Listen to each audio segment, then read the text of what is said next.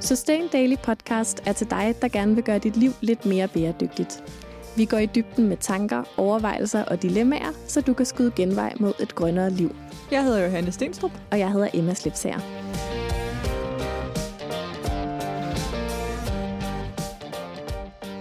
Hej Johanne. Hej Emma. Vi skal til et afsnit af Sustain Daily Podcast, hvor vi svarer på et spørgsmål fra en af jer, der er med i Bæredygtighedsklubben. Det skal vi i hvert fald. Og øh, det her spørgsmål, det har virkelig fået mig på overarbejde. Ja, det ved jeg. og øhm, ja, det ville jo lyde flot, hvis jeg sagde ditto, men det vil være meget uærligt, fordi det er dig, der har stået for research-delen Ja. på det her spørgsmål. Øhm, spørgsmålet lyder. Når det er uden for sæson, giver det mening at bruge henkogte tomater, men jeg kan ikke finde ud af, om det er mest bæredygtigt at købe på dåse, som kan genanvendes, eller tetrapak, som skal i restaffald. Kan I hjælpe mig med et godt svar på det? Godt spørgsmål. Ja, hvad tænker du umiddelbart, når du hører det spørgsmål? Har du et bud? Øhm, det vækker i hvert fald genkendelse hos mig. Jeg kan se mig selv stå øh, nede i mit supermarked og kigge på henholdsvis karton, tetrapak, hakkede, flåede tomater og på dåserne og tænke, hmm, kan vide, om det egentlig er bedre med noget metal, der kan smeltes om, eller om det egentlig er bedre med noget ikke-metal, som så skal brændes. Og så kan jeg sådan, øhm, hvis jeg skulle give et bud, begynde måske at reflektere over alle mulige ting med, at aluminiumsdåsen, den er jo belagt med noget på indersiden. Det har der været lidt snak om, sådan, fordi det kunne Mm. indeholde nogle hormonforstyrrende stoffer. Omvendt en tetrapak karton er jo heller ikke ligefrem bare et stykke pap rundt om nogle... Det er jo klart, kan man sige. Hvis det var det, så ville det blive rimelig jasset rimelig hurtigt. Men, men den består jo... Ja, jasset. Det er sådan et ord, man ikke kan bruge i hele landet, eller? Nå, jeg forstår. Ja, what? Ja. Så den består jo en hel masse lag og sådan noget. Mm. Så jeg har faktisk ikke noget bud. Hvad vælger du? Kan du sådan se, tænke tilbage på, hvad du oftest vælger? Mm, Jamen, det er meget forskelligt, Mm. faktisk. Jeg lader det nok komme an på prisen, i virkeligheden. Ja. At, altså, jeg vælger økologi, og så vælger jeg Den, der er billigst. den, der er billigst i det supermarked, jeg Ja. er i. Hvis der er et tilbud, så køber jeg en hel masse. Det er sådan noget, det er virkelig sådan et produkt, vi bruger meget af Men det derhjemme. gør jeg også. Og det samme med kokosmælken, som Ja. jo også har det samme. Som også er kommet på dilemma. nu.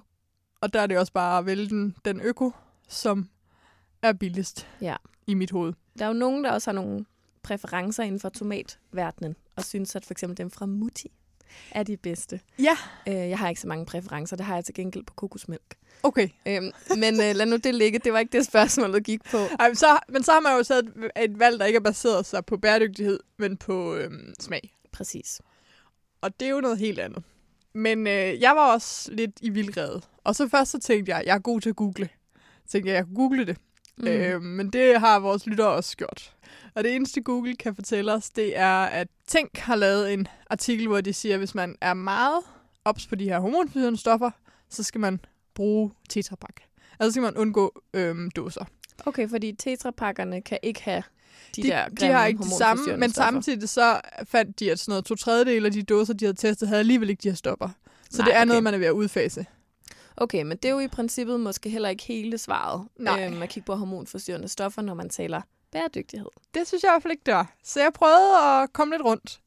Og I kan tro, jeg har ringet rundt.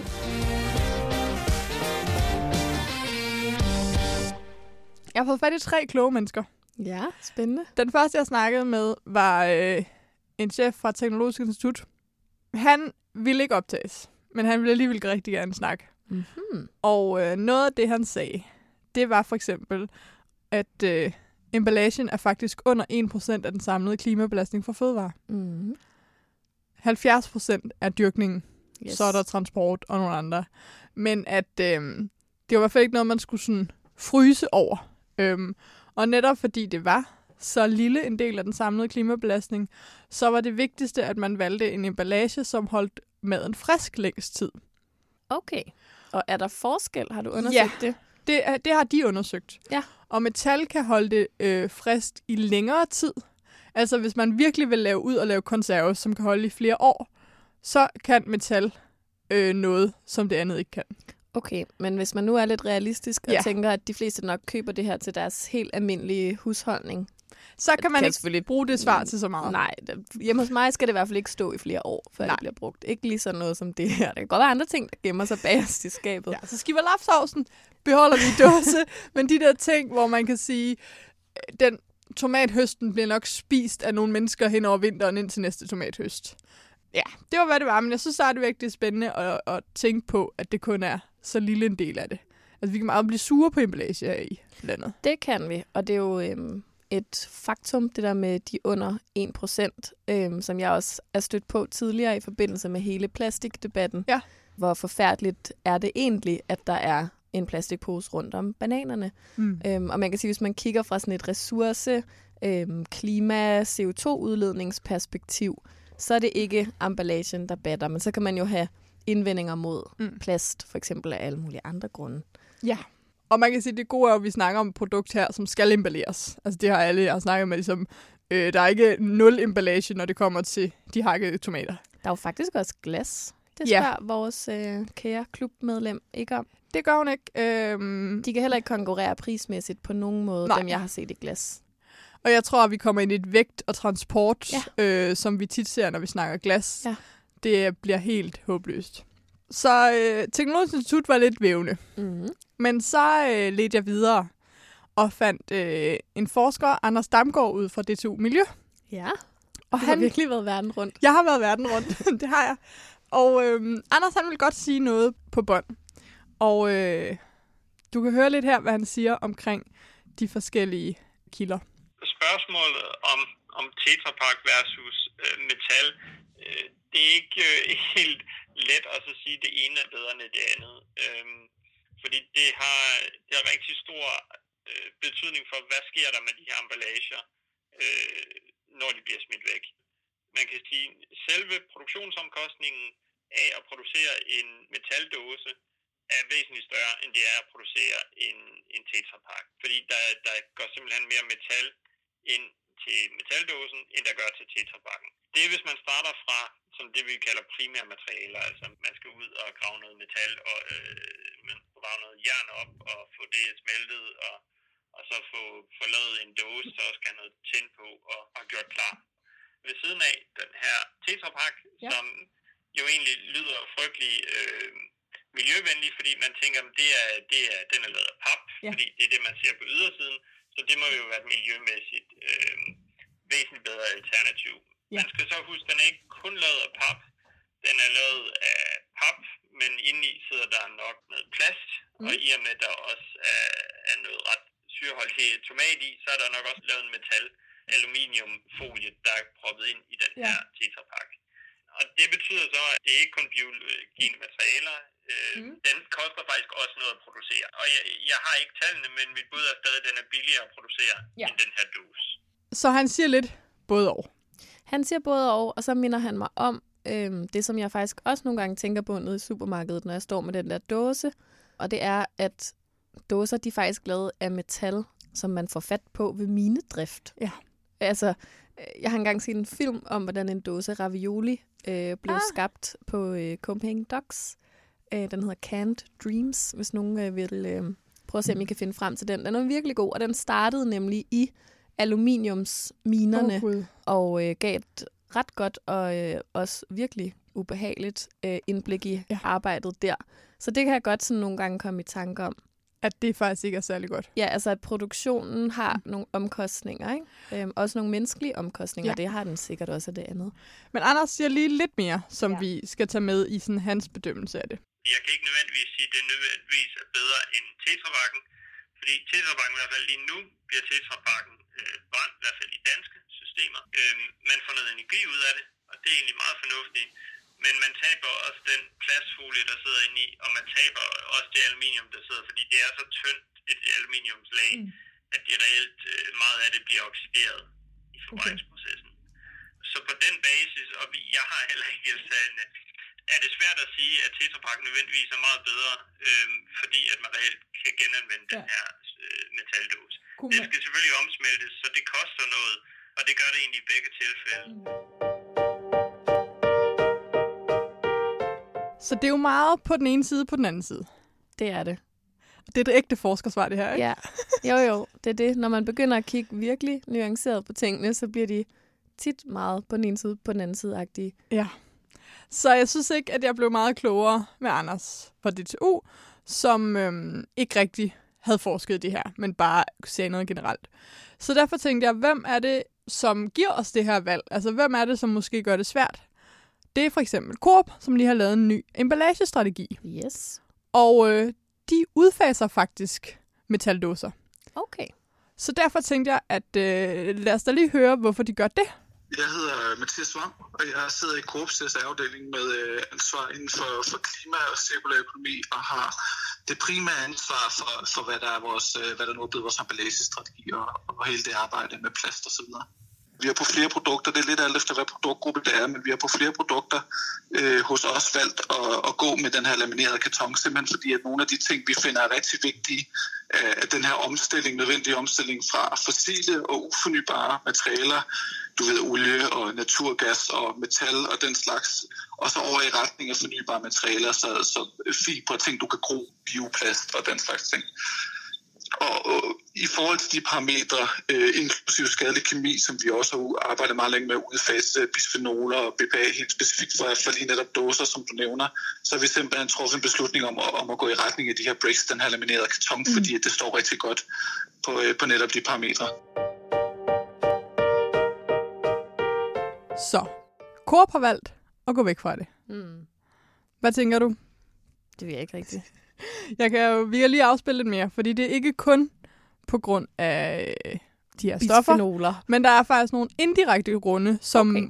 er noget af det, der er, hvor jeg synes, at der måske ligger noget viden. Ja, for ellers. Øh. så slutter vi lidt der, hvor vi startede, hvor man kan sige, de hormonforstyrrende stoffer er Præcis. ud fra et klimaperspektiv ikke det eneste interessante. Men han siger noget rigtig interessant nu omkring transport, og ikke bare transport af maden, men også transport af emballagen. Man kan sige, at der er også nogle andre sådan mere indirekte fordele ved, ved den her laminerede karton. Hvis du tager for eksempel de her bricks øh, som alternativ til dåserne, når du transporterer dem rundt, før der bliver fyldt produkter på, så kan du transportere dem som sådan nogle helt flade stakke af sheets, øh, ark, eller hvad du kan kalde det på dansk, hvor at dåserne øh, før påfyldning, der, der transporterer du selv sagt en hel masse luft, når du, når du bevæger dem rundt i de forskellige led i, i, i kæden.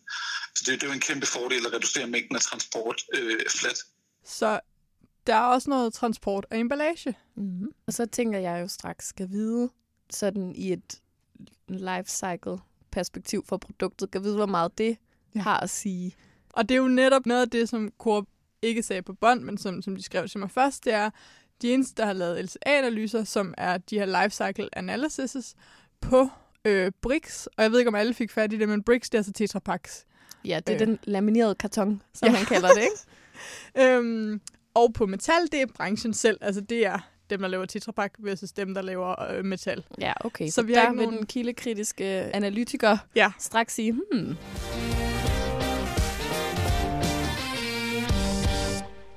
Men altså, jeg kunne jo høre, at Coop går væk fra det her, fordi de gerne vil udfase de fossile, eller de ikke fornybare.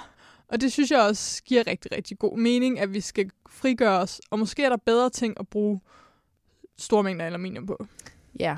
Fordi det var det, som ham fra DTU sagde, at der er aluminium i kartongerne, Ja, et lille men lag. et meget tyndt lille lag i forhold til dåserne. Ikke? Ja. Så, så man bruger samlet set færre ufornybare ressourcer Ja. ja. med de der kartonger.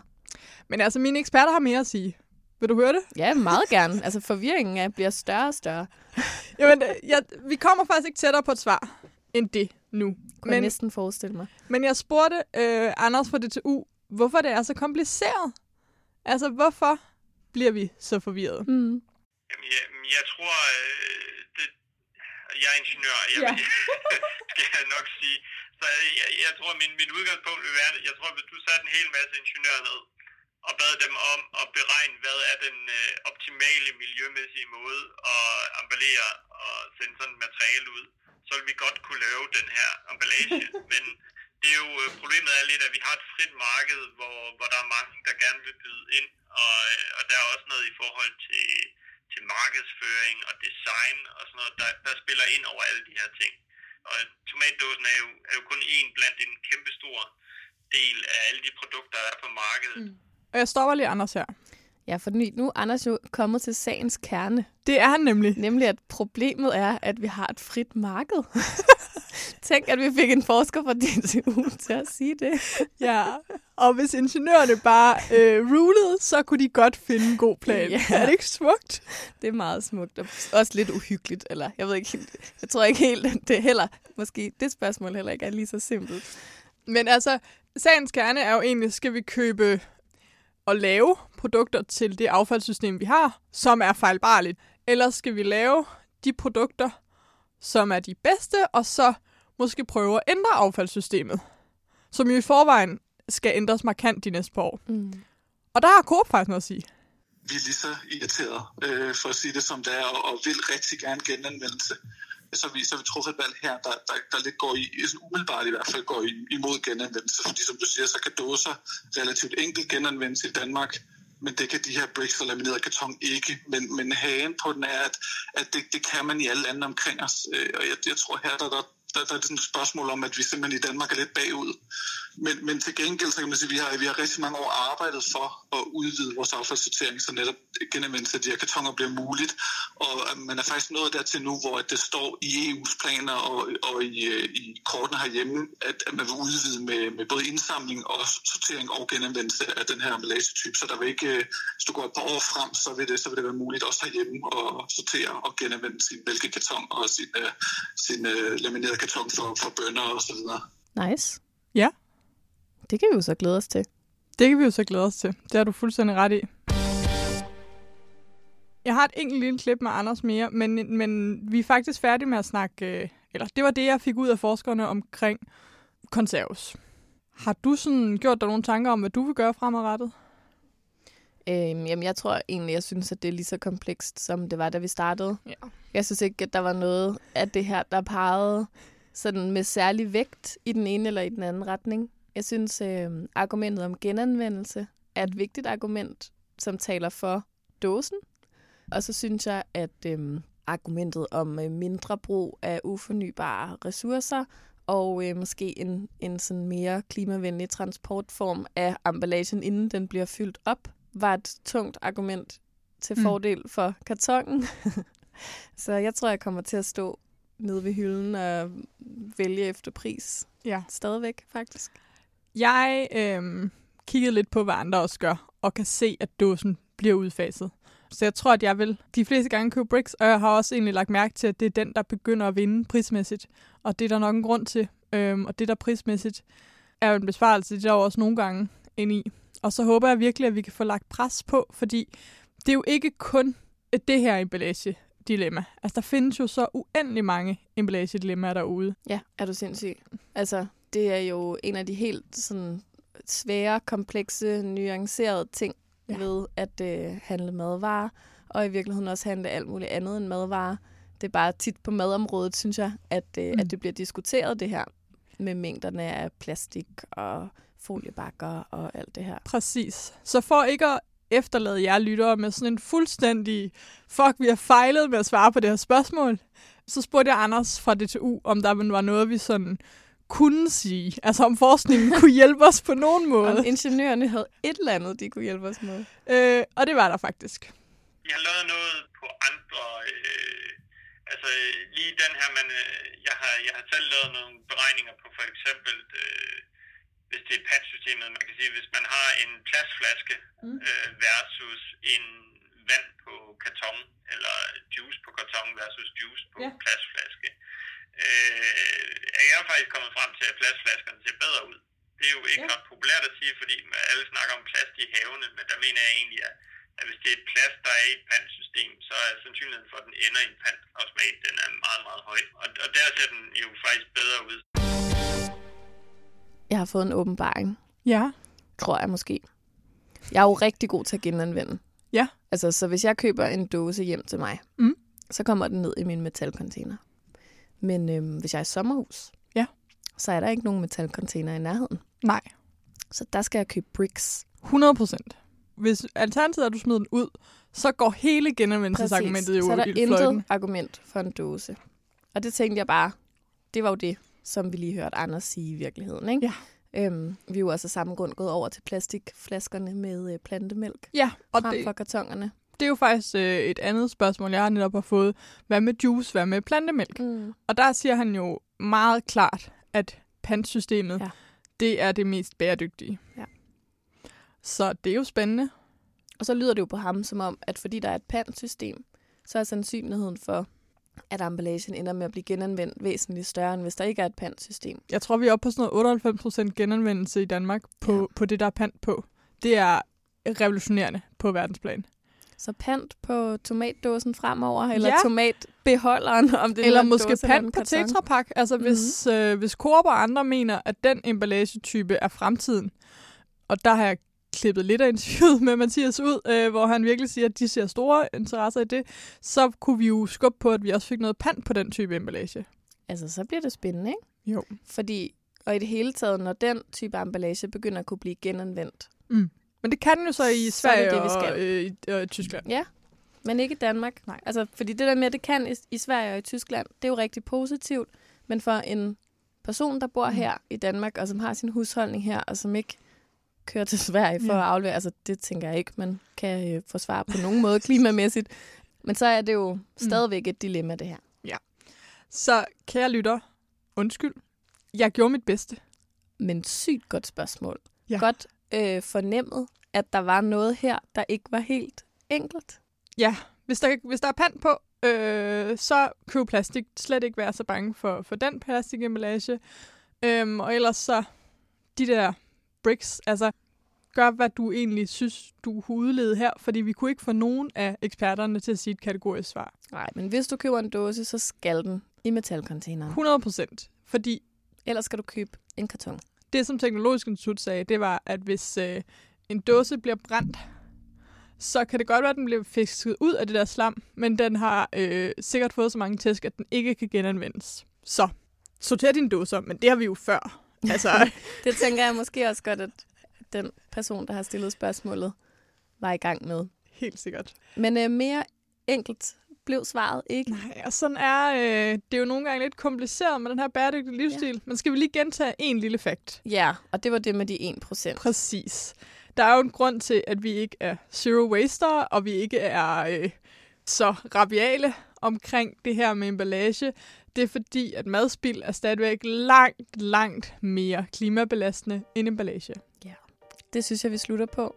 Vi lyttes ved i næste uge. Tak for det gode spørgsmål, og vi glæder os til mange flere. Hej! Hej hej! Tak fordi du lyttede til Sustain Daily Podcast. Det betyder vildt meget for podcasten, om vi får nogle anmeldelser. Så når vi nemlig længere ud og kan få spredt det grønne budskab endnu bedre. Så hvis du har to minutter, du ikke ved, hvad du skal bruge til, så hop meget gerne ind i din podcast-app og anmeld Sustain Daily Podcast. Og hvis du vil høre endnu mere fra Sustain Daily, så kan du følge os på f.eks. Instagram eller Facebook, eller skriv dig op til vores nyhedsmails, hvor du bliver den første til at høre, når vi laver seje ting.